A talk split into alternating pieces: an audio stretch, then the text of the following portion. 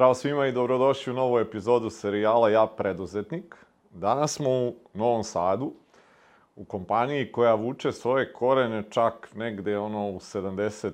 7. godinu. Znači tu smo negde vršnjaci i ja i moj današnji gost sa tom kompanijom, što se tih korena tiče.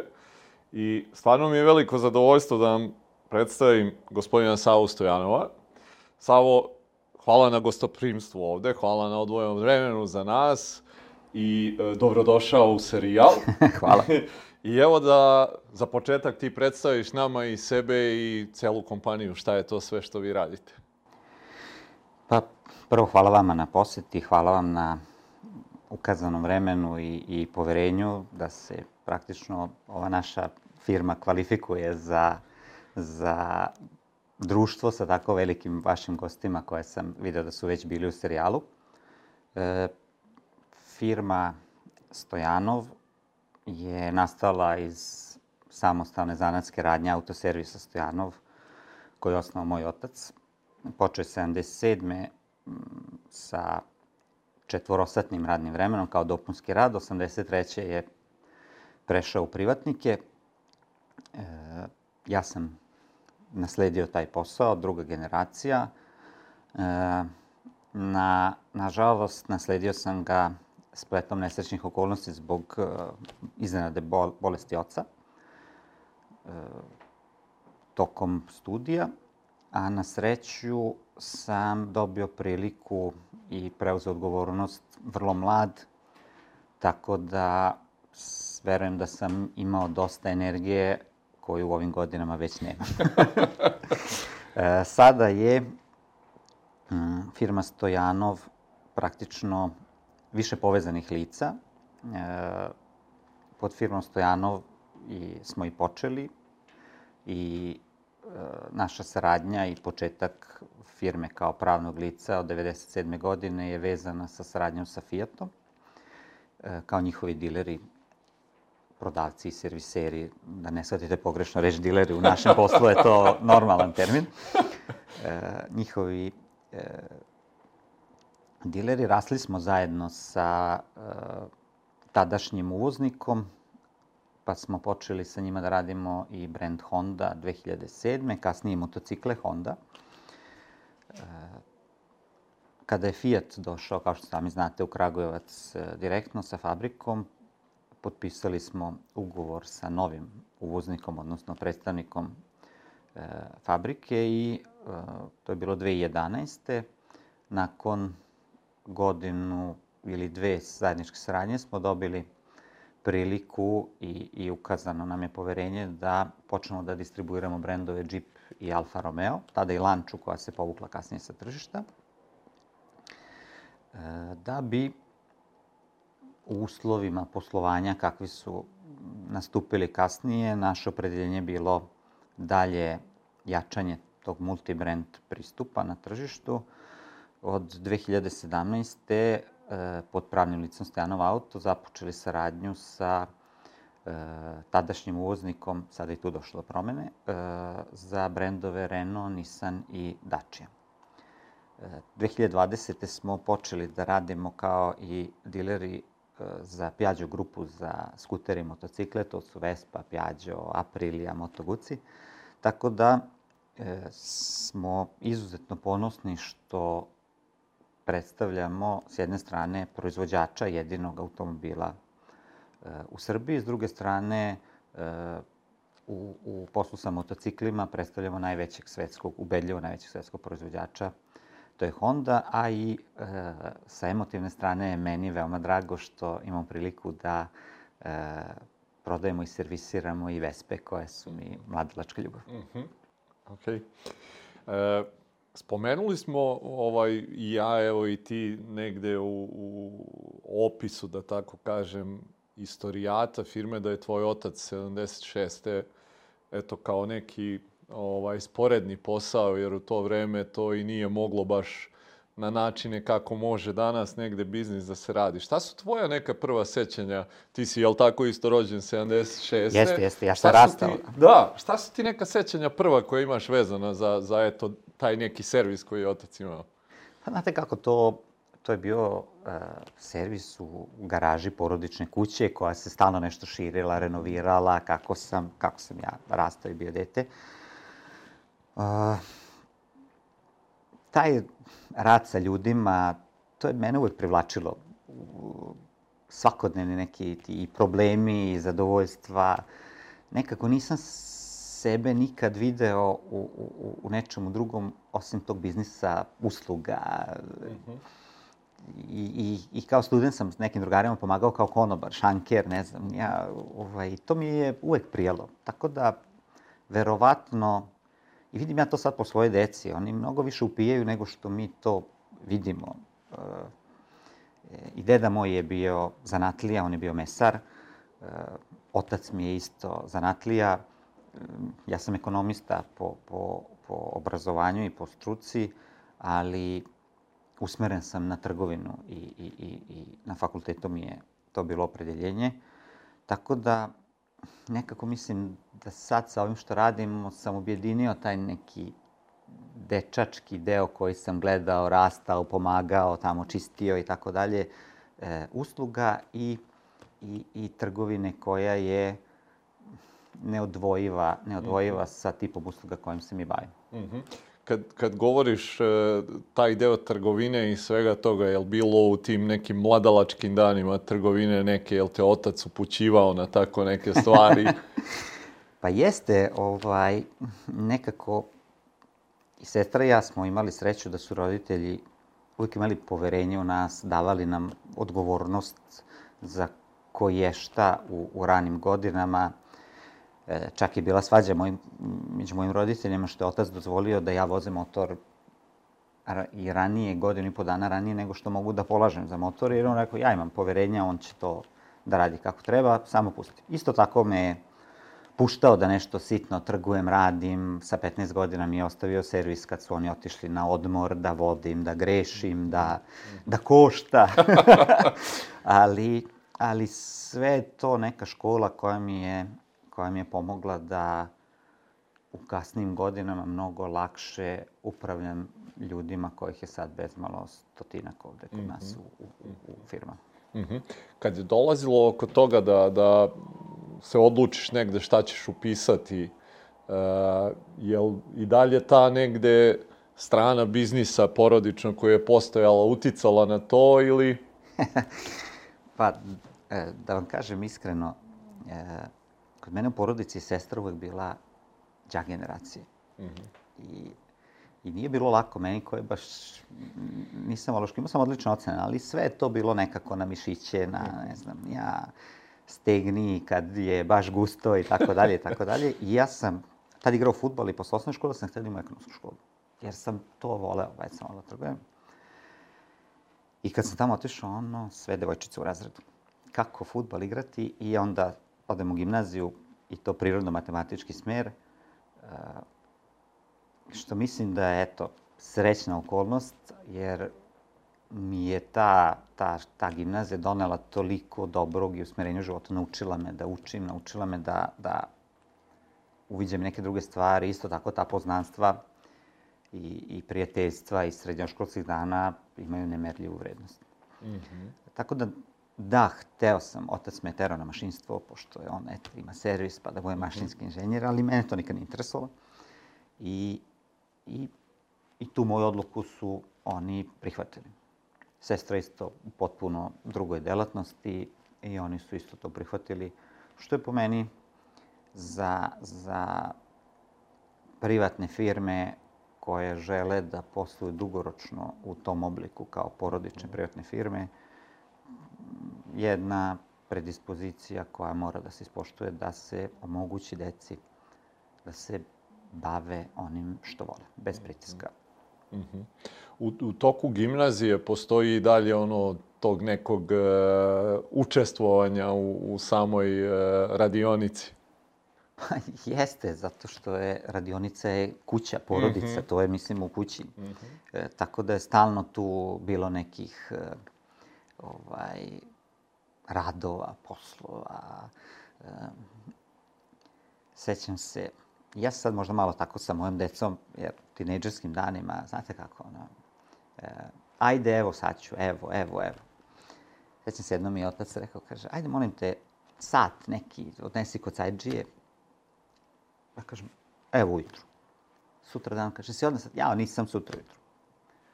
Treći dan, se odnos sat, ja onako iz kreveta, izlazak, srednja škola, ja nisam. Kaže, dođe na terasu. On taj sat i fljas sa terase. Ja, kako sam trčao po njega u drugu ulicu. Još nisam sa mojim decom tako bacao. Letele su mi stvari iz sobe sa terase, sam bio neuredan, tako, ali mm -hmm.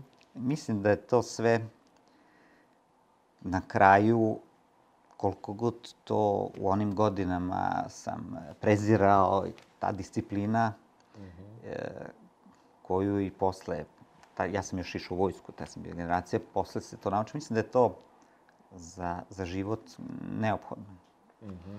Tako da sve to, te roditelj, dete, nesuglasice i tako dalje, u nekom normalnom obimu mislim da nisu uopšte loše za, za, za razvoj deteta. Mm -hmm. Iako je roditelj dosledan, to samo može dobro doneti. Mm -hmm. Naravno, ne, ne mislim na ekstreme. Da, ne, ne ići u ekstrem. E, završavaš gimnaziju i? Da, završavam gimnaziju kao vrlo dobar đak u razredu iz kojeg izašlo sad sedam, osam doktora nauka, izuzetno jak, jak razred. Mi loši idemo na ekonomiju, ovi bolji idu na medicinu i elektro i mašinski fakultet. E, upisujem uh, Subotički ekonomski fakultet u Novom Sadu odeljenje, jer tad sam već dosta, dosta, dosta pomagao u porodičnom poslu. Tada smo mi već kao, kao ta zanatska radnja narasli na nekih dvadesetak zaposlenih. Već se nismo, otac je moj automehaničar, nije smo se više bavili samo mehanikom. Bavili smo se i šlep službom. Posle tu došla limarska, farbarska radionica na, toj, na tom ekonomskom fakultetu u stvari ja tek počinjem da, da učim, da nešto shvatam. Pošto ranije sam krenuo u školu, najmlađi sam u generaciji. E, nažalost, na, na drugoj godini fakulteta otac mi doživa ovaj, srčani udar, šest meseci izlazi sa posla. Ja tada praktično više ne odlazim na predavanja, stano sam na poslu.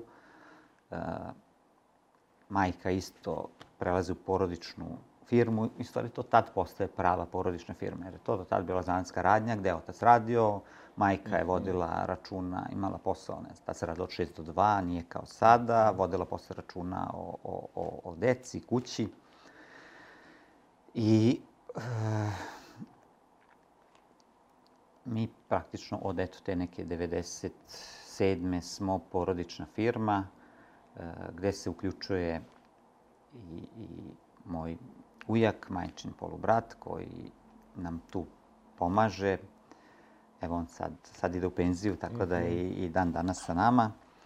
I tada, nakon, nakon što se otac vratio posle nekih pola godine, on povlači po meni hrabar, izličan potez i kaže, evo, uh, ovo sad funkcioniše sve kako treba i bez mene, čak i bolje, jer smo mi tad bili u nekoj izgradnji, radionice, to je sve završeno i tako dalje. Ja od sad više neću da budem glavni, već ću ja sad tebi da pomažem. Ja sam u invalidskoj penziji, mogu tu da budem okolo pomažem, ja znam, znam zanat, ti ne znaš, mogu to da radim bolje od tebe, ti radiš neke druge stvari bolje od mene. I onda je to tako krenulo. E, otprilike u tom periodu, mene su roditelji dosta i, i sestru i mene e, slali u inostranstvo na učenje jezika, na razmene studenta, na koje kakva neka studijska putovanja, gde, gde sam ja video kako se taj posao kojim se ja sad bavim radi drugačije. E, sa, sa dve drugarice iz razreda koji su tada ovaj, e, učila italijanski, su sklopili jedno pismo i poslali fotografije Fiat u Torino i posle šest meseci smo dobili ugovor sa Fiatom, iako je naš tadašnji objekat bio daleko ispod standarda, verovatno i tadašnjih, a o sadašnjim da ne, ne razgovaram uopšte, jer a, su ljudi iz Fijata prepoznali želju i entuzijazam i, i dali meni šansu kao klincu od 21 godine da da otvorim firmu, pošto oni ne rade sa fizičkim licima, ne rade sa SZR mm -hmm. organizacijom. I eto, ta firma je praktično nasledila uh, očev autoservis i umeđu vremenu kroz tu saradnju sa Fiatom narasla do današnjih, mm -hmm. do današnjih dimenzija i poslovanja. U tom trenutku ti kažeš, eto imaš 21 godinu, osjećaš li ti ono neki strah i pritisak od svega toga? Znači ti u 21 godinu sad stupaš u neki poslovni odnos sa Fiatom. Pa znate kako, to su, nisu to bili početci samo za mene, to su bili početci za uvoznika Fijata u Srbiji, mm -hmm. tako da je mnogo lakše kada svi zajedno rastete. Mm -hmm. S druge strane, najveći pritisak mi je bio ovaj, od okoline, lako je tebi, tebi je tata ostavio. Mm -hmm. Znate kako, kada, kada radite ono što volite, kao što sam ja, ja sam obožavao automobile, miris benzina, tad su još bili neki dvotakni motori, pa taj miris ulja. To i dan danas kad osetim, Aha. vratim se u mladost. e, najlakše mi je bilo da radim to što volim. A najteže mi je bilo da se nosim sa okolinom koja zbog godina e, izgleda ne shvata, ne shvata ozbiljno moje ambicije i rad i, i uopšte firmu koju ja predstavljam, koja je od, po meni od starta bila vrlo ozbiljna zato što je bila dobro organizovana i zato što je znala kuda ide. Mm -hmm. Kad kažeš dobro organizovana, a, odakle taj deo da, da to bude dobro organizovano? Je li to nešto što je preneto sa oca i bilo tako da je firma imala neki organizacioni sistem koji je funkcionisao ili si ti radio na tome? Pa, e, sve što smo, što smo nas učili na fakultetu je da postoje neke norme, ispunjene, postoje neki bonusi. Međutim, za malu firmu je to sve komplikovano. I, i otac moj je ovaj, uveo stimulisanje i plaćanje zaposlenih po učinku. To je bilo recimo 96. još dok je on vodio. Mm -hmm. Bili smo još u gradu, to je mm, zakrčena bila ulica, bilo je puno posla. To su bile takve godine gde se uvozilo puno polovnih automobila, nije bilo baš to bilo napeto. Izlazili smo u novinama kako zauzimamo javni prostor i tako dalje, tako dalje. I onda, onda smo prešli na taj drugačiji sistem uh, plaćanja uh, zaposlenih. Neću da kažem nagrađivanje, jer oni su ljudi to sve zaradili. Mm -hmm. uh, tada je to u Novom Sadu bilo diametralno suprotno od od mainstreama nije nailazilo na odobravanje njegovih tadašnjih kolega. Međutim, nama se pokazalo kao odlično taj partnerski odnos sa zaposlenima. I do dan danas smo ga, smo ga zadržali, čak i dalje se držimo nekog tog jednostavnog uh, računa, obračuna, E, iz prostog razloga zato što se trudimo da održimo i dalje te neki duh male firme. Mm -hmm. e, ja recimo kažem mojim ljudima, ako dođemo do tada ja moram da vam šaljem mailove da se nešto uradi, onda smo bolje da se ne bavimo ovim poslom. Mm -hmm. Tako da e, sam uveren da e, je ova firma toliko narasla iz razloga što su ljudi koji su neposredni izvršioci motivisani i vide rezultate svog rada. Mm -hmm. I znate kako, e, nije problem, recimo mi smo preživjeli bombardovanje, preživjeli smo koronu 90. Niko nije postavljao pitanje zašto su sad, recimo, plate izjednačene za celu firmu?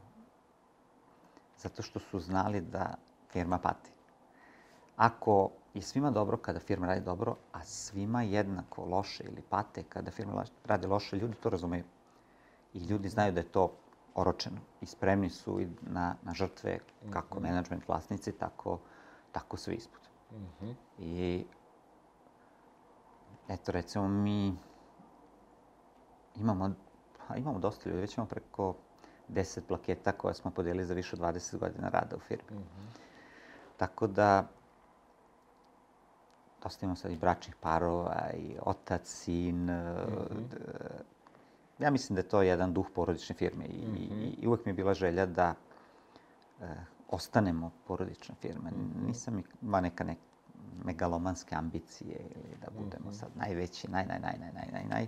Nije mi to bila nikad intencija i, i siguran sam da bez obzira kako posao stalno tera na rast, znate te priče, ako ne mhm. rastete, mm -hmm. padate i tako dalje, tako dalje, siguran sam da ćemo nekako uspeti da se održimo kao lokalna firma za prodaju, servisiranje automobila mm -hmm. dobrom glasu, ukoliko se industrija toliko ne promeni da, da se više ne prodaju mm -hmm. Jer i to je moguće. Mm -hmm. Kako izgleda taj kraj 90-ih, eto, i ta, taj e, početak saradnje sa, sa Fiatom? Šta je on sve doneo ovaj, uspehu negde, da, da kažem, firme? Pa znate kako, uh, Fiat je bio jedan od prvih uvoznika koji su pojavili praktično posle prvih proizvođača koji se pojavili posle sankcije. Mm -hmm. Tako da je prodaja eksplodirala. Samim tim i naš posao je eksplodirao u narednih godinu, dve dana, što je dovelo do toga da smo napravili još jedan servis za, za e, autolakiranje. Ja mislim da smo tad već imali 4-5 hiljada automobila godišnje da prolazi kroz servis, što je za to vreme bilo, bilo neverovatna brojka, jer se mnogo manje vozilo automobila nego sada što se vozi. Mm -hmm. E, naučili smo da se drugačije organizujemo, da, da damo ljudima da vode posebne sektore u firmi.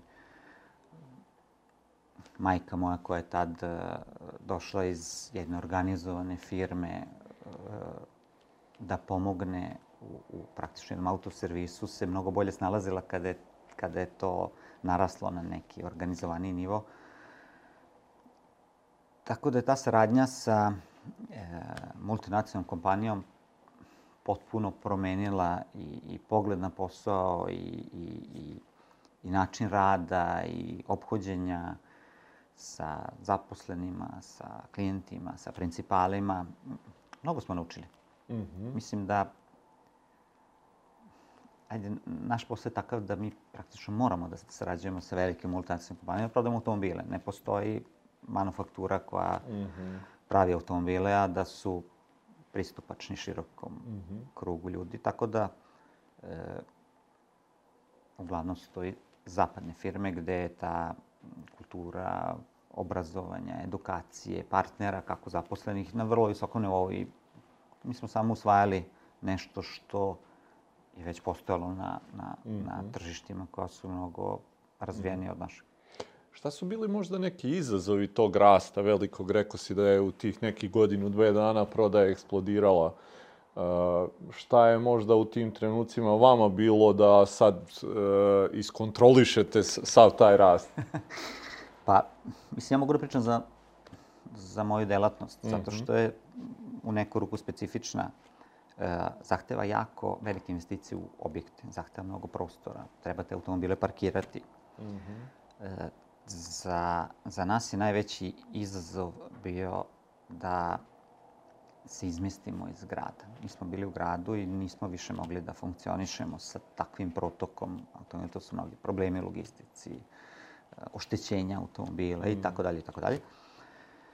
Eh, I sa, sa jednim mojim eh, prijateljem sam ja nekako došao na ovaj, zajednički jezik. On je ovde tada izabrao lokaciju koja je bila potpuno van grada i hteo da, da pravi Opel, e, drugi brend, i onda smo se dogovorili da tu njegovu parcelu podelimo, da ja to kupim i da dođemo ovde sa Fiatom. Mm -hmm. e,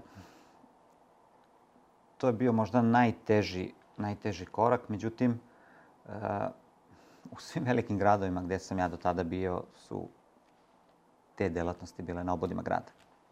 Jer jednostavno delatnost je takva da nema prostora u gradu ili ako ga ima je toliko skup da ovaj biznis to ne može da plati. Mm -hmm. e, to nam je bilo u principu naj, dolazak ovde nam je bio najveća investicija, mm -hmm. e, najveće zaduživanje kod banaka, tada su već kamate bile visoke, mm -hmm. ali smo se odlučeno to jer jednostavno mm -hmm. nije bilo drugog smera da firma ostane. Kako je tebi bilo što se tog dela zaduživanja ovaj, tiče? Često imam tu onda kad razgovaramo sa preduzetnicama, veliki broj njih nekako e, izbegava taj deo zaduživanja i smatraju da je to možda i ono kao ne treba raditi. A generalno pitanje je sad da, da, da li možeš ti sam da dođeš ovde, da izgradiš to sve bez e, pomoći banaka. Jel bilo tebi tu ono malo straha ili možda čak i pritiska od, ne znam, porodici ili nekoga da to ne radiš? A, literatura na fakultetu tada je bila da firma ima najbolje performanse ako je pola sobstvenog, pola pozemljenog kapitala. Mm -hmm. To je možda okay za neke delatnosti. Za našu delatnost koja je vrlo zahtevna što se tiče kapitala, e, velika po, po, po, po prometima, međutim nisko profitabilna, mm -hmm. je e, često zaduživanje omča oko vrata. Mm -hmm. Jer imate gomilu primjera 2009. 10. da mm -hmm. su proizvođači pritiskali dilere da prave velike salone, da se zadužuju sve, da mora da sija i tako dalje i tako dalje. I kad je došla svetska kriza, nažalost, mnogi su bankrotirali. Mm. E, mi smo tada morali da, da se zadužimo jer nismo mogli drugačije da, mm. da završimo. Ja sam po prirodi vrlo konzervativan što se tiče spoljnih izvora mm -hmm. finansiranja. E, to je jedini kredit gde sam dao ličnu menicu i rekao sam više to ne radim. Nakon toga smo, kad smo kupovali i, i, i još tu objekte neke gde smo se širili, smo uzimali kredite, ali nisam davao e, lične mm -hmm. menice, jer nekako sam pobornik da, e, je, iako je porodična firma, iako, ipak je to biznis i treba ga odvojiti -hmm. od privatnog života i životni vek firme ne mora da se poklapa sa životnim vekom porodice. Mm -hmm. Tako da te dve stvari treba posmatrati e, posebno. Poslovanje nam je omogućilo da e, smo sada vrlo e, likvidni, objekti su naši i tako dalje i to nam daje za pravo da verujemo da kada dođe neka sledeća kriza, da ćemo mi biti ti koji će je preživeti. Mm -hmm. Rekao si malo pristo da si ti odlazeći tako video da, da eto, van ovakva vrsta biznisa i nije u gradu i da si odlazeći na ta studijska putovanja dosta gledao. Koliko ti uopšte svi ti odlasci van su bili značajni da te neke onda stvari primenjuješ ovde? Pa najznačajniji. Mm -hmm. Praktično, uh, sve što smo mi učili na fakultetu, što je ovde bilo u praksi, e, nije nam pokazivalo šta nam dolazi. A jedino razvijenije tržište pokazuju šta dolazi. Evo sad je primjer elektri elektrifikacije u autobiznisu, uh mhm. -huh. odvajanje vlasništva od korišćenja automobila. Uh mhm. -huh. ovo, je, ovo je jednostavno grana privrede gde su promene stalne i velike. Uh mhm. -huh. I, I ko to ne prati, ko ne gleda šta se dešava, ne znam, trenutno je Kalifornija e, benchmark za ceo svet što se tiče elektrifikacije i Norveška u Evropi. Ko ne gleda šta se dešava na tim tržištima, ne podešava svoje poslovanje sada za nešto što će kod nas doći, će imati mnogo više poteškoća da se prilagodi kada to već dođe. Mm -hmm. Šta su neke stvari u, u tim, recimo, eto, godinama otvaranja firme, pa dolaska ovde, šta su neke stvari koje si ti mora da menjaš kod sebe? e, pa ja sam se trudio da ne menjam ništa, ali to nije moguće. e, I dan danas se trudim da, da ostavljam e, sebi dovoljno slobodnog vremena da ga provedem sa porodicom i prijateljima. E, možda specifična situacija što i supruga radi o, praktično od početka, kada je završila fakultet i porodiljsko, radi, radi ovde u firmi. Mada mi ne dolazimo na posao zajedno i ne vraćamo se mm -hmm. zajedno s posla, jer svako radi svoj posao. Ali bez obzira, e, ne dozvoljavam da me posao natera da e, kradem vreme e, porodici mm. i praktično odmoru nekom, zato što e, sam ubeđen da ako do toga dođe da ne radim dobro posao, a ne da nisam dobar u porodici. Mm -hmm. E sad, da bi to mogao da radiš, potrebno je da postoji neki sistem unutar kompanije koji je nezavistan od tebe i koji može da funkcioniše. Jedna od tih e, stvari koje je neophodno uraditi je da osnivač ili direktor bude spreman da delegira na svoje ljude i to većini negde preduzetnika bude onako izazov. Jesi ti imao tu neku borbu sam sa sobom oko tog dela? Pa najveći izazov je bio kada smo kretali sa Renom, pošto uh, su oni tražili posebno pravno lice, uh, jer principali uvek kontrolišu poslovanje. Nije njima interes da, da dealer propadne, jer je teško nadoknaditi izgubljenu prodaju u kratkom vremenskom periodu. Mislim, čisto iz njihovih interesa. Da, apsolutno. Uh, taj zahtev da se otvori novo pravno lice dovode do toga da mora biti novo odgovorno lice. Uh, ja sam kroz poznanstva u, u, u poslu došao i razgovarao sa jednim poznanikom koji je bio u, u, u, u branši ranije. I tako smo dobili prvog profesionalca koji vodi firmu koja sad skoro parira sa, sa prihodima e, Stojanovu, sa, sa drugim brendovima. I nekako smo došli do toga u prvom razgovoru e, da sam mu ja ponudio da ukoliko pet godina on ispuni sve planove, ta firma naraste dovoljno, da će iz pozicije menadžera postati suvlasnik firme, što se, što se i dogodilo. Tako da, mm, ne znam kako da kažem, 80% je 20, uvek više nego 100% 10. I ja se time vodim. Mm -hmm. I verujem da je to neophodan korak. Ne mogu da se kažem primer dobre prakse, zato što mislim da je to kondicija sine qua non mm -hmm. za rast biznisa. Mm -hmm.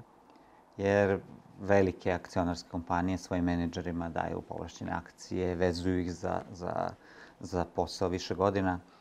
I, I naša delotnost je takva da vi ne možete napraviti e, eksploziju ili ludački rezultat za godinu dana, dve, tri. To gradi se godinama. Ljudi kupuju automobile e, zahvaljujući poverenju koje imaju u, u prodavca automobila. Koliko god se mi svi borimo nekim cenama, dizajnom i tako dalje, kupovina automobila je emotivna stvar. I sve više ta usluga, servis, pouzdanost dobijaju na težini kod odluke, kod odluke kupaca za pojedini brend, jer sa ovom globalizacijom svi su manje više u nivou. Mm -hmm. I svi koriste iste komponente, iste dovoljače i tako dalje, tako dalje. Mhm. Nije ta segmentacija po brendovima e, sada kao što je bila pre 20 godina. Mm -hmm. Šta su ti bile neke stvari koje su e, važne i koje si gledao, eto recimo čak i ako govoriš o tom direktoru i svim tim nekim ljubljivima koje si možda u tim ovaj, godinama zapošljavao, šta si gledao u njima? Kako se penju na stepenice. e, to mi je otac rekao, vidi ovaj kako se sporo penje stepenici, nije taj za našu firmu. ovaj, činjenica je da smo uh, uvek dobili više i sarađivali duže sa, sa ljudima koji su želeli nego sa ljudima koji su znali kad su dolazili. Mm -hmm. e, to je tako i dan danas. E, mi smo sada, digresiju ću napraviti, pre par godina su nam ljudi iz Renaulta e, došli i pitali nas, imate problema sa radnom snagom?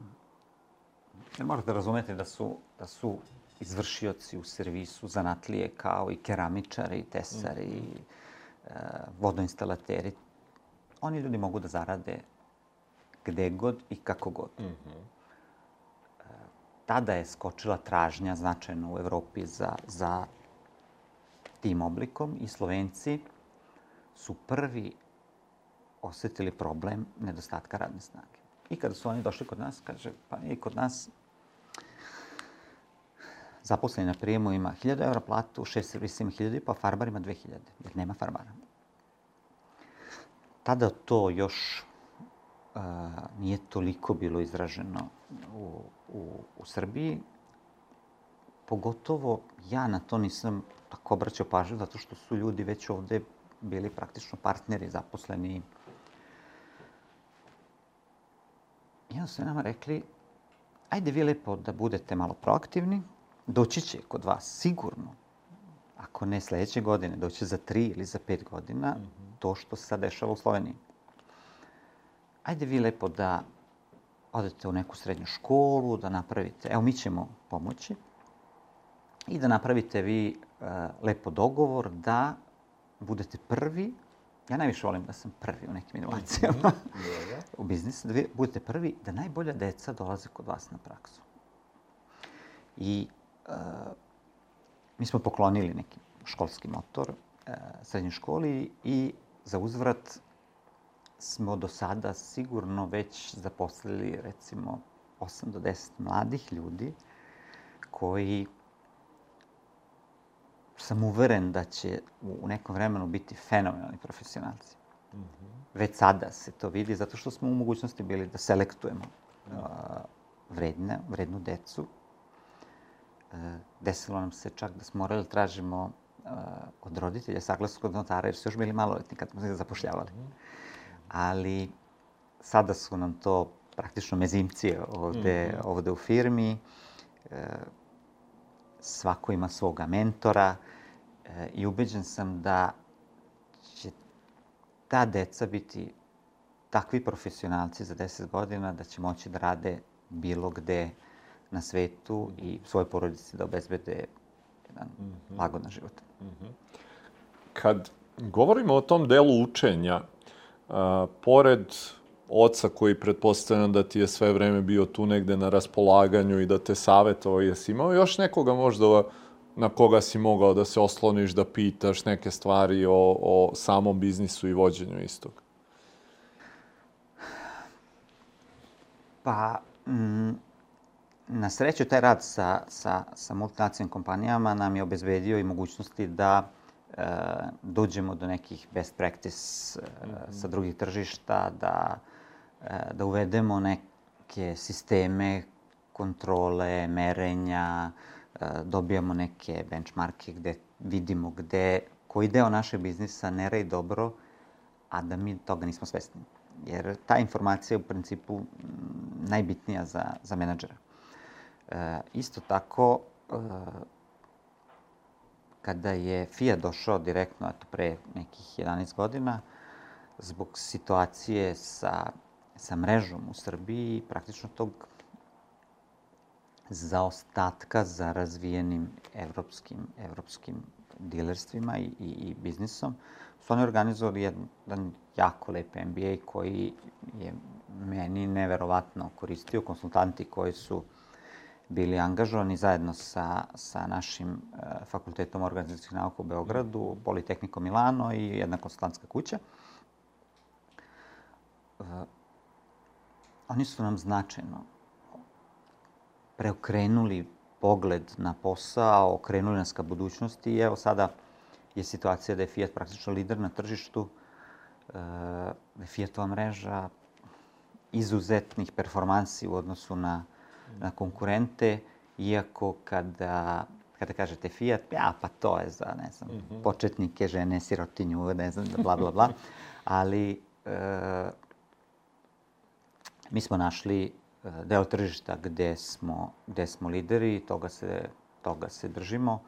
I siguran sam da je taj neki deo usmerenog obrazovanja na probleme, na projekte koji je došao kroz saradnju sa, sa velikim kompanijama, bio esencijalan za, mm -hmm. za dalji razvoj. Mm -hmm.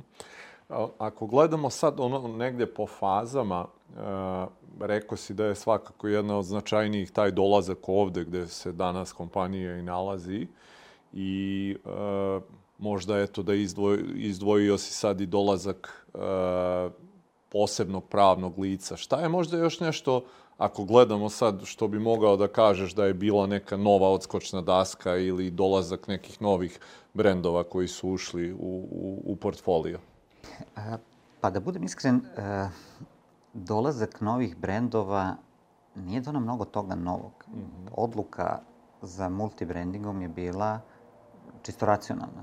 Mm -hmm. Zato što da bi mi pružili ljudima spektar usluga koje oni očekuju kada kupuju nov automobil od dilera, mi to ne možemo da uradimo zastupajući samo jedan brend.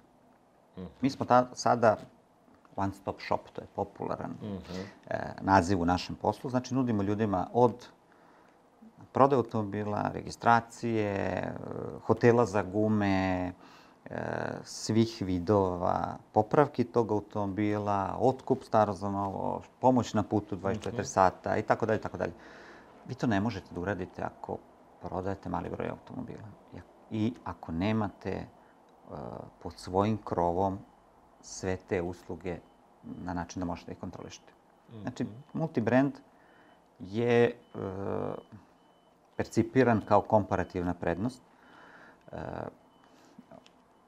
ovaj posao ne može da, da trpi kirije, zakupe, zato što je nisko profitabilan. Mm -hmm ne može da trpi ljude koji sede, zato što su plate velike, jer su to sve profesionalci. I vi morate naći način da taj fiksni trošak po svakom automobilu koji dođe u servis bude najniže moguće. Mm -hmm. Samo tako ćete imati pozitivno poslovanje i u periodima recesije. Jer morate razumeti da e, automobil je skupo potrošno dobro koliko god ga neko ovde gleda kao statusni simbol, na razvijenim tržištima se ne gleda kao statusni simbol. Kada očekivanje ljudi su negativna, prodaje staje. Mm -hmm. Mi smo imali slučaj jedan u istoriji gde je, recimo, jedan neodgovorni ministar u aprilu objavio kako od 1. januara će ukinuti carine na automobile. 10% dilera je propalo jer su ljudi prestali da kupuju kola u aprilu, a trebalo je doživeti taj januar. Mm -hmm. Tako da toliko ima faktora koji utiču na, na, na, na, na posao da je teško to upravljati, upravljati na način da budete sigurni da je sad sve u redu naredne tri godine. Mm -hmm. Industrija se menja, e, legislativa se menja, e, stanje na tržištu se menja. Evo sad imamo problem sa obezbeđivanjem automobila. Nema automobila. Fabrike ne proizvode. Mm -hmm. Sve ste ispunili standarde, saloni sijaju, prazni. Mm -hmm. Tako da, orijentacija na kvalitetnu uslugu u postprodaji daje stabilnost firmi da preživi ogromne oscilacije mm -hmm. u prodaju. I to je tako u ovom poslu bilo od kakve automobila. Mm -hmm. Kad uh, treba eto tako neke odluke da donosiš koje su često možda ili biti ili ne biti za firmu, koliko postoji analize, koliko postoji intuicija? Kako za koje? Aha. e, kada smo ulazili u te neke nove brendove je bila čista analiza. Jer to nije emotivni, emotivni ovaj, posao, nego postoje parametri koje samo treba ukrstiti i to je analitički posao. Kada smo, recimo, odlučivali da dođemo ovde, to je bilo emotivno. Jer eh, naši klijenti, većina naših klijenta iz grada, kako će se vratiti, treba da dođu ovde, ovo je 6-7 km daleko i tako dalje i tako dalje, ali smo rešili da budemo pioniri uh, i isplatilo nas. Jer smo vrlo brzo mi sa nekih uh, 6000 automobila gde smo bili zakrčeni u gradu, došli na 15, sad smo preko 20.000, znači da, da je ta odluka bila dobra, a bila je instinktivna. Mm -hmm. Tako da nema pravila. Mm -hmm. Koliko često se ovaj, uh, u tim trenucima uh, savetuješ, ne znam, sa ocem, možda sa suprugom i uh, jel onda kad saslušaš njih doneseš neko vreme sam za sebe pa razmišljaš i presečeš? A, pa moram da priznam da nije to tako lako za kada neko kaže, ma ti to znaš bolje, mm -hmm. mi te pratimo. S jedne strane je super kada, mm -hmm. kada nema tih nekih kućnica, s druge strane e, niko ne voli teško breme odgovornosti. Mm -hmm. e, naravno da razgovaramo u, u porodici o, o svemu i ja sam, eto, srećan, počastvovan, kako god želite, da da te neke odluke za koje sam dobio podršku porodice su se pokazale kao, kao ispravne. Mm -hmm. Pričam, ali nije lako napraviti porodično veće ako mm -hmm. je jedan taj koji je do sada imao sreće pa su njegove mm -hmm. postupci, odluke napravili super mhm. rezultate. Mm -hmm. A kako recimo taj pritisak koji kako i firma raste i veća je odgovornost i taj pritisak se negde povećava, kako se sa tim nosiš? Pa da budem iskren, ja ne radim više sati nego što sam radio kada smo bili, bili pet puta manja firma. Mm -hmm. e, ne osjećam veći pritisak nego što sam osjećao tada. Verovatno se čovek navikne neki problemi koji su tada bili ogromni za onoliku firmu, sada više nisu, tolike dolaze neki drugi. Uh, da budem iskren, ne znam preduzetnika koji se ne nervira, kog nešto ne opterećuje i tako dalje i tako dalje. Ali i čovek raste kako firma raste. E, dosta drugih ljudi preuzima tu neku odgovornost za svoje delo posla, tako da e, ja sad praktično te operativne stresove ne doživljavam jer, jer postoje drugi ljudi čiji je to deo posla. Mm -hmm. e, najviše se sada bavim nekim drugim stvarima koje su bitnije za, za opstanak firme u skladu sa očekivanjima na tržištu koja su sad vrlo aktualna u poslednjih par meseci.